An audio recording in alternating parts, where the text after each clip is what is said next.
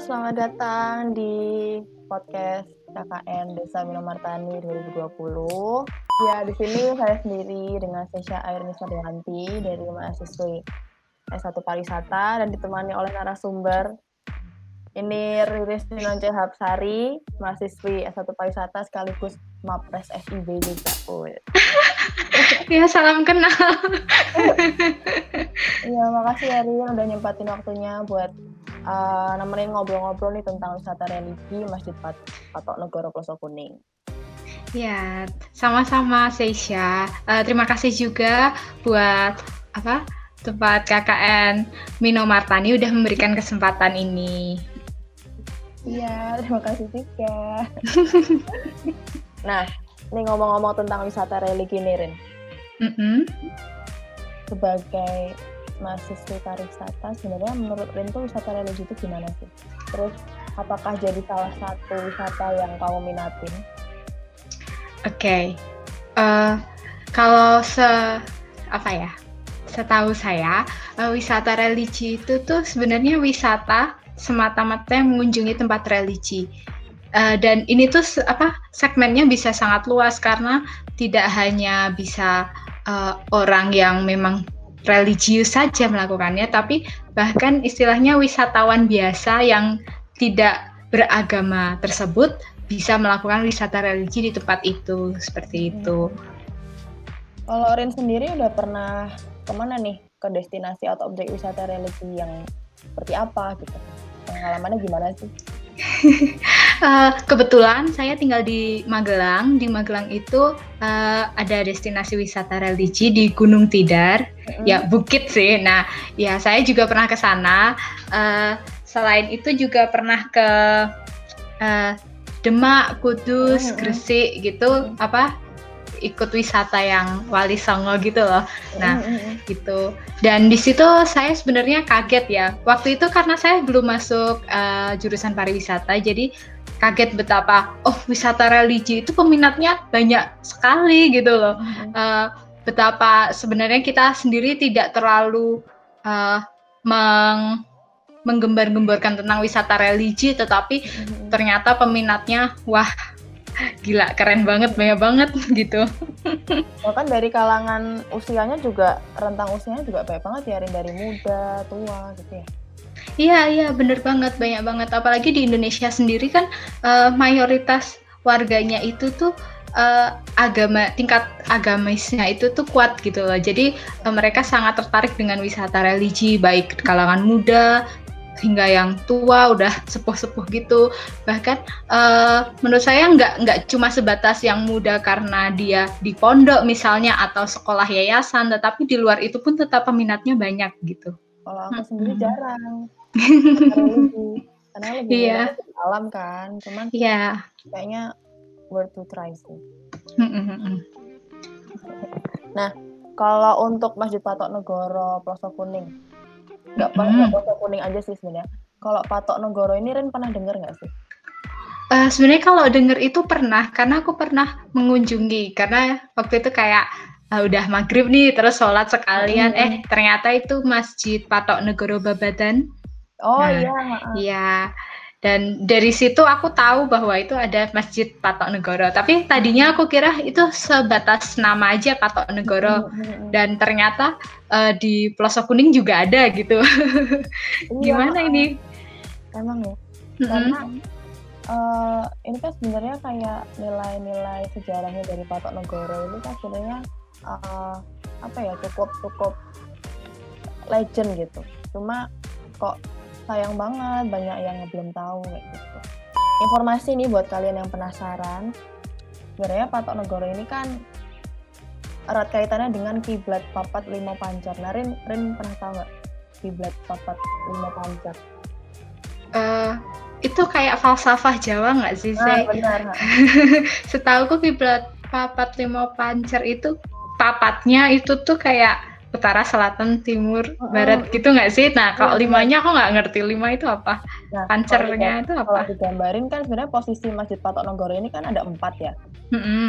Jadi di empat penjuru mata angin Jogja mm -hmm. kayak ada di barat Masjid Jami Anur Melangi. Mm-mm. Di timur babatannya Rin yang udah pernah dikunjungi Jami Barojat itu. Oh ya. Bengkelan Masjid Nurul Huda sama yang terakhir di Sultani Poso Kuning ini Desa Minomartani itu. Hmm. Nah tengahnya itu Masjid Gede sebagai pusatnya. Oh gitu, Oh. iya iya. Sebenarnya kan ini sudah cukup lama dianggap sebagai ikon religi legendarisnya Jogja kan. Mm-mm. sebagai pilar sekaligus jadi penanda batas wilayah dari Kesultanan Yogyakarta. Mm-mm. Hmm. Untuk fungsinya sendiri kan masjid ini juga digunain buat tempat upacara, tempat pendidikan, sistem pertahanan juga. Sebenarnya juga mengatur pengadilan Surambi. Pengadilan Surambi ini juga memutus hukum perkara pernikahan, perceraian, sampai pembagian waris. Cuman memang orang-orang atau masyarakat luas juga baru taunya sebatas masjid aja gitu. Padahal padahal value-nya itu cukup cukup menarik menurutku. Iya bener banget Syah. Setelah tadi dijelasin ya aku kayak wawasanku terbuka gitu loh. Eh, karena jujur aja eh, kebetulan waktu aku ke Masjid Patok Negoro yang di Babatan itu ya sebatas numpang sholat aja gitu loh. Nggak ngerti sejarahnya dan kebetulan di sana tuh nggak ada kayak apa papan informasi atau sebagainya seperti itu kan harusnya eh, mungkin diberikan biar eh, wisatawan bisa mengetahui adanya Mhm. sejarah penting di situ gitu. Iya iya. Kalau untuk uh, fun fact-nya lagi nih, sebenarnya Masjid Plaza Kuning ini di antara empat lainnya itu merupakan masjid yang paling tertua dan paling terjaga keasliannya. Oh, Dia juga wow. masuk cagar budaya juga. Hmm, dibandingin yang lain tuh lebih jarang direnov, lebih lebih aktif uh, orang-orangnya kayak gitu. Ada gambarnya nggak sih? Aku penasaran deh. Kayak apa masjidnya? Gambarnya nanti deh aku kirim ya. Oke, siap, siap, siap. Nah, ngomong-ngomong tentang wisatanya nih masuk. Mm-mm. Kalau di pariwisata sendiri kan sebenarnya kita ada komponen produk wisata ya Rin yang 4A itu. Ya, Ya, dari Ada. atraksi, amenitas, amenitas ancillary. kan, yang mendukung Ah-ah. produk wisata kan ada Mm-mm-mm. aksesibilitas juga. Kalau Masjid Poso Kuning ini atraksinya sebenarnya eh, arsitektur, sejarah, tradisi, budaya, kesenian dan kegiatannya itu kayak ada ziarah gitu loh, Rin. Hmm, gitu. uh, ziarahnya ke makam-makam pendirinya makam-makam si Kiai Mursodo Mustafa ini. Hmm. Jadi kalau untuk amenitas sendiri Mm-mm. sebenarnya uh, nggak yang mewah gitu ya kayak uh, wisata-wisata lainnya gitu. Sedianya kayak cuma toilet, tempat ibadah tentunya ya. Mm-mm. Di warung makannya juga sederhana kayak angkringan berkah gitu. Oke. Kalau untuk aksesnya sendiri, Rin belum pernah ya ke Ploso Kuning ya? Belum. Mm-mm, aksesnya tuh Mm-mm. sebenarnya gampang ditemuinnya di samping jalan kan.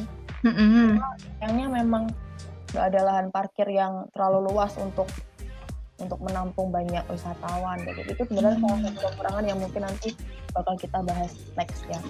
Iya, iya. Sayang banget ya. Heeh. sayang banget. Kalau untuk uh, ancillary, ancillary apa sih ancillary? Ancillary itu eh, produk tambahan. Jadi misalnya kayak ada tour guide-nya nggak seperti itu. Mm.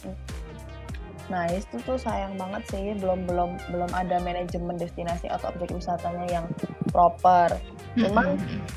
untuk uh, pengelolaannya sendiri sekarang dikelola tuh oleh Bapak Kamaludin Purnomo. Jadi selaku takmir masjid, beliau juga dipilihnya sama abdi dalam keraton langsung kayak gitu. Oh gitu. Oh ya ngomong-ngomong, eh, ini tadi di di masjid eh, Patok Negoro Plaza Kuning ini ada kayak apa tradisi khusus gitu nggak? Kan tadi katanya ada kayak apa semacam ritual atau apa yang khusus ada di sana. Kalau tradisi sendiri sebenarnya ada sholawat Jawa, Rin. Sholawat Mm-mm. Jawa. Terus kalau untuk kesenian-kesenian, mereka aktif juga ada tari baduy, sufi. Biasanya orang-orang juga suka tuh untuk belajar sufi, ada tari rebana. Kalau yang berkaitan dengan keraton sendiri, eh, mereka juga sempat mengadakan tradisi buhorenan. Apa itu, saya? Tradisi buhorenan ini tradisi uh, sebenarnya untuk untuk ini me, me, mengkaji apa namanya hadis-hadis dari Al Bukhari. Hmm. Dan sekaligus untuk menolak bala kan kalau orang Jawa sebenarnya menolak bala itu untuk keselamatan gitu ya. Iya. Yeah. Nah, itu biasanya dilakukan. Tradisi padusan juga masih. Hmm, Kemarin gitu. sempat rame kan karena corona. Mm-hmm. Mungkin karena tradisi yang sayang untuk dilewatkan, jadi memang masih masih dilakukan kemarin. Oke, okay, oke. Okay. Menarik banget ya saya ternyata hmm. uh, Masjid Sof, apa Patok Negoro ini tuh sangat banyak uh, insight-nya gitu. Untuk ini aku sebenarnya juga tertarik banget sih sama arsitekturnya. Jadi arsitekturnya hmm. kan udah lebih dari 250 tahun kan, Tin. Oh, wow. Terus hmm. terus sejak tahun 1755. Nah, ini tuh sebenarnya syarat akan makna juga beberapa beberapa arsitekturnya. Kayak misalkan mereka kan punya undang-undangan di depan iya. uh, di depan koridor masuk ke masjid ini kan. Nah mereka itu punya arti tiga elemen. Ada iman ada islam Islam ada ihsan. Nah yang menariknya lagi itu sebenarnya uh, di di masjid Pasok Kuning ini kan juga ada kolamnya yang mengelilingi Nah, kolamnya ini kata Pak Kamaludinnya sendiri juga uh, diartikan sebagai segoro atau segara samudra. Hmm. Nah, melalui pemaknaan tersebut ini, kolam itu uh, punya harapan dia bisa mengajarkan agar setiap umat muslim itu senantiasa punya hati yang lapang gitu. Nah yang nggak kalah tuanya juga sebenarnya mereka juga punya pohon sawo kecil itu sempat terkenal hmm. di di warga-warga sekitar. Mm-hmm. Jadi yang artinya di dalam bahasa Jawa sarwo becik. Oh, jadi selalu baik gitu ya? Selalu baik, selalu berusaha atau berupaya untuk menuju kebaikan. Itu menarik ah. banget sih. Iya, iya bener menarik banget sih. Jadi tertarik nih pengen ke sana. Iya. Nah, memang memang belum diinterpretasikan secara optimal nggak sih Rin? Mm-hmm. Karena kan belum belum belum dikenal, belum ada inventarisnya juga, ya, ada iya. artikel-artikel juga terbatas. Tanggapan Darin iya. salah dengar-dengar potensinya itu gimana sih? Sebenarnya uh, potensinya itu banyak banget ya dari istilahnya hal uh, dari luarnya, fasad luarnya, uh, dari arsitekturnya sudah menarik dan ternyata dari arsitekturnya itu memiliki makna yang sangat dalam dan unik sebenarnya ya karena tidak semua masjid punya makna yang sama seperti yang hmm. masjid di Pelosok Kuning ini. Uh, selain itu juga uh, sejarahnya sendiri kan menjadi uh, masjid tertua dari yang apa li, empat masjid atau negara itu kan sebuah keunggulan ya karena uh, berarti ini masjid yang sudah melalui berbagai generasi, berbagai uh, sejarah gitu sebagai saksi bisu besarnya uh, uh, Yogyakarta seperti itu. Jadi sebenarnya ini menarik sekali untuk digali lagi dan uh, aku harap sih mungkin bisa dituliskan ya ada track record yang memang uh, formal gitu. Jadi uh, mau ada wisatawan maupun ada sejarawan yang ingin mengkaji lebih lanjut mengenai masjid ini bisa dengan mudah dan uh, valid seperti itu. Memang nggak bisa dipungkiri ya kalau wisata religi itu sebenarnya nggak uh, bisa dipisahin dengan unsur budaya atau heritage sharing. Iya, iya benar banget. Komposisikan diri sebagai wisatawan, aku pribadi kan sebenarnya akan datang dengan motivasi yang lebih non religius ya atau sekuler. Jadi aku datang tuh hmm. karena penasaran arsitekturnya gimana sih, sejarah gimana sih, terus buat tuduhnya apa sih. Nah kalau Rin sendiri gimana sih kalau misalkan nanti datang ke Masjid Patok Negoro ini? Uh, kalau aku karena aku muslim, jadi uh, kemungkinan besar aku ingin mencoba juga merasakan beribadah sholat di sana. Jadi mungkin aku ke sananya itu uh, apa yang apa yang namanya tuh bertepatan dengan waktu sholat gitu. Uh, jadi sehingga bisa merasakan langsung bagaimana uh, beribadah di sana dan mungkin bisa mendengar secara langsung apa sholawat apa yang Jawa tadi seperti itu kan menarik sekali dan tidak tidak di setiap saat kita bisa dengar seperti itu kan. Iya, iya, Dan menariknya ini kemarin aku juga sempat baca kan di suatu artikel kalau mm-hmm. Masjid Patok Negoro ini dulunya kalau azan sholat Jumat itu dua kali tuh. Hmm. Iya iya. Udah jarang ya di sini uh, yang kayak gitu. Iya, cuman cuman sekarang udah mulai mulai udah enggak kan karena memang mm-hmm. Ya namanya juga pergeseran value, pergeseran yeah ya mungkin juga nanti takutnya orang bingung lah. Ini oh, oh, ada lagi. iya. Benar. Nah berkaitan dengan hal yang menarik wisatawan kan Rina. Tempo hari itu Kak Kamaludin hmm. sempat cerita kalau wisatawan mancanegara sebenarnya cukup banyak yang datang ke masjid ini. Oh, dari gitu ya?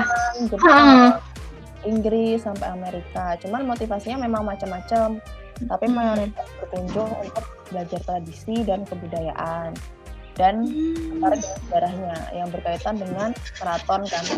Nah sebenarnya fenomena ini uh, bisa jadi salah satu alternatif nggak sih untuk melestarikan kebudayaan? Uh, menurutku bisa banget sih. Soalnya uh, dari sudut pandang wisatawan mancanegara nih uh, sebenarnya mereka itu tidak tertutup uh, dengan destinasi-destinasi wisata yang berbau religius. Bahkan mereka sangat terbuka karena uh, misal meskipun mereka berbeda agama atau bahkan mereka tidak beragama mereka itu tetap tertarik dengan uh, hal-hal uh, yang berbeda dari mereka seperti itu jadi uh, biasanya wisatawan secara umum itu uh, lebih lebih didorong karena rasa keingintahuan gitu loh. Jadi uh, tidak tidak terbatas agama, ras maupun suku bangsa. Kalau mereka memiliki rasa keingintahuan yang besar, uh, tidak tidak memungkir memungkiri bahwa mereka bisa berkunjung ke Masjid Ploso Kuning ini. Memang ini sangat-sangat potensial untuk dikenalkan ke wisatawan nggak cuma lokal ya tapi mancanegara juga cuman mm-hmm. memang dari ancillary sendiri dari pengelolanya juga terbatas kan karena iya. karena semuanya kayak mengacu pada takmirnya dan api dalamnya jadi kurang kurang ada manajemen yang uh, proper kayak gitu Iya, ya itu sebenarnya bisa bisa dibangun apa ya, ditingkatkan lagi seperti itu. Soalnya kan satu sisi uh, jika hanya uh, apa ya bersumber pada uh, satu dua orang saja takutnya nanti generasi selanjutnya itu uh, bisa hilang ceritanya itu atau bahkan bisa bergeser jadi kayak biasanya sejarah yang hanya secara lisan itu bisa hilang atau bahkan tergeser dan itu sangat sangat disayangkan dengan adanya Masjid Patok Negoro yang syarat akan sejarah seperti ini. Hmm. Dan satu sisi juga kan masjid ini uh, apa ya sebagai bukti gitu saya bukti bahwa uh, agama Islam itu uh, tidak semata-mata diterapkan sama persis seperti yang ada di Arab Saudi gitu. Hmm, Sedangkan di Indonesia sendiri khususnya di Jogja kan agama Islam uh, apa ya dipadukan uh, mengalami akulturasi dengan budaya lokal yaitu budaya Jawa sehingga bisa dilihat dari arsitektur maupun sejarah dari Masjid Patok Negoro Plaza Kuning ini. Dan itu sangat menarik menurutku karena uh, kebanyakan uh, orang terutama warga negara asing yang bukan beragama Islam mereka uh, menganggap Islam itu sebagai agama yang strict atau kaku sehingga uh, menganggapnya uh, jika kamu beragama mus uh, Islam berarti kamu uh, seperti orang Arab padahal tidak seperti itu begitu dan ini sangat menarik untuk digali lebih lanjut. Wisata religi pastinya kan punya value spiritualitas kan. Mm -hmm. Nah untuk kegiatannya sendiri ini kan di Masjid Patok Negoro nggak terlalu banyak, jadi uh, paling cuma ziarah. Terus ada waktu itu ada safari Jumat oleh Polres, mm -hmm. itu mm -hmm. pelawatan. Nah menurutku mm -hmm. sebagai potensi wisata religi itu kira-kira kegiatannya apalagi sih yang mungkin dilakukan untuk tambahan gitu untuk what to do? Hmm. Uh, aku sebenarnya baru-baru ini mempelajari sedikit ya tentang apa uh, agama Islam yang ada di Jawa seperti itu. Jadi uh, betapa sebenarnya itu uh, kita telah memadu-madankan agama Islam sendiri dengan nilai-nilai uh, tradisi di Jawa. Jadi uh, misalnya seperti kalau di Islam kan ada kita apa kalau puas bulan Ramadan biasanya malam-malam uh, terakhir bulan Ramadan kemudian nanti menyepi sendiri di masjid untuk berzikir seperti itu menurutku itu bisa menjadi suatu kegiatan yang bisa banget dilakukan di masjid Patok Negoro Pelosok Kuning ini karena uh, satu sisi uh, kita mendekatkan diri kepada Tuhan dan di sisi lain mungkin yang beragama lain bisa mencoba untuk bermeditasi di sana seperti itu. Oh. Ini juga bisa dilihat seperti uh, fenomena yang ada di Bali di mana uh, sebenarnya wisatawannya itu tidak beragama Hindu tapi mereka kemudian terpapar oleh ritual-ritual uh, agama Hindu yang ada di Bali sehingga mereka tertarik dan uh, mencoba untuk uh, mempelajarinya seperti itu. Dan ini menurutku bisa dilakukan juga di di Masjid Patok Negoro ini. Karena sebenarnya seperti meditasi itu kan juga salah satu upaya untuk berdoa kan. Uh, berdiam diri menjauhi keramaian untuk berdoa mendekatkan diri kepada Tuhan seperti itu. Jadi sebenarnya religi ini memang uh, ajang penyembuhan juga ya wellness ya Rin ya. Iya iya benar banget karena spiritualitas itu tidak bisa dipisahkan dari kesehatan keseluruhan manusia. Jika misalnya kamu sehat walafiat secara fisik tapi uh, spiritual atau mentalmu terganggu kan juga juga tidak sehat intinya kan iya, seperti bener. itu. Memang religi ini nggak cuman yang religius aja ya. Jadi mm -hmm. negara juga sebenarnya uh, kadang nggak terlalu tahu value dari agamanya cuma mereka penasaran sama apa yang ritualnya gitu ya ritual yeah, yeah. gitu ya hmm. nah, itu juga huh? gimana Rin lanjut uh, itu itu juga kayak yang uh, contoh yang di Bali lagi ya itu juga salah satu apa ya tambahan what to do-nya apa yang bisa dilakukan di Masjid Patok Negoro kalau di Bali itu kan orang orang datang ke pura kita bukan beragama hidup pun kita apa diberitahu cara mereka beribadah seperti apa. Itu kan kita mendapatkan tambahan pengetahuan satu sisi di sisi lain kita juga lebih memahami agama lain gitu loh. Jadi bisa meningkatkan toleransi seperti itu. Nah sebagai mahasiswa pariwisata ini aku penasaran Nurun mm -hmm. kan wisata religi ini fenomenanya biasanya wisatawannya itu rame jadi kayak mm -hmm. berbondong-bondong berbis-bis entah itu mm -hmm pengaj apa namanya jamaah-jamaah yang sudah sepuh itu kan biasanya disebut sebagai mass tourism ya Rin? Ya benar banget mass tourism. Nah, melihat dari fenomena tersebut sebagai mahasiswa pariwisata gimana sih tanggapannya berkaitan dengan penerimaan masyarakat terhadap aktivitas wisata yang masif gitu?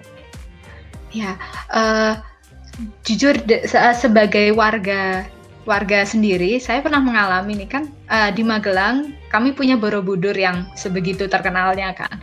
Nah, uh, satu sisi bangga sih punya uh, tempat wisata yang sudah uh, bertaraf internasional seperti itu. Tapi satu sisi di sisi lain, uh, ketika kunjungan wisatanya sangat banyak, terlalu banyak, itu menimbulkan uh, apa ya kejenuhan bagi warga sekitar sendiri seperti karena uh, wisatawannya terlalu banyak menimbulkan macet, kemudian harga-harga bahan pokok bisa naik. Ini terjadi di apa? Venice, Italia itu uh, karena uh, daerah situ tempatnya kecil tetapi uh, banyak dibangun hotel dan penginapan sehingga warganya sendiri merasa terusik dan bahkan tergusur. Mereka tidak dapat menjalani kehidupan sehari-hari seperti biasa seperti itu.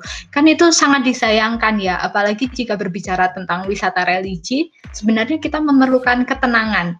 Karena untuk mendapatkan uh, spiritualitas yang lebih baik kita tidak bisa di dalam keramaian seperti itu. Jadi sangat sangat uh, diperlukan manajemen atau pengelolaan wisata yang lebih baik uh, sehingga tidak terlalu padat di satu titik pada waktu tertentu saja.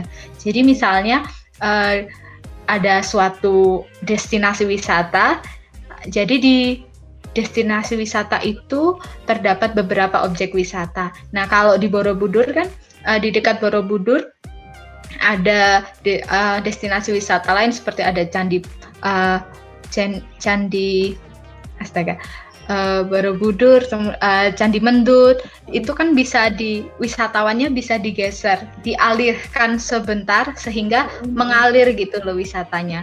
Tidak hanya terpusat di Borobudur saja, tetapi juga uh, sekaligus bisa meningkatkan uh, ekonomi masyarakat di daerah situ, tidak hanya terpusat di Borobudur aja gitu. Visitor manajemen perlu ya. Sangat diperlukan. Terutama untuk wisata religi. Iya ya. Oke.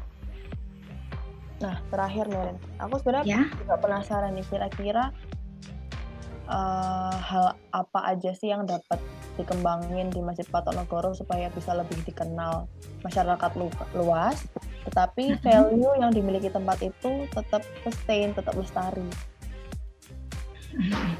Uh, hal-hal yang bisa ditingkatin itu seperti yang udah aku jelaskan di awal tadi ada misalnya uh, penulisan sejarah maupun makna yang terdapat di masjid itu hmm. uh, da dalam bentuk yang lebih formal sehingga misalnya ada bukunya sehingga bisa diakses dengan lebih mudah.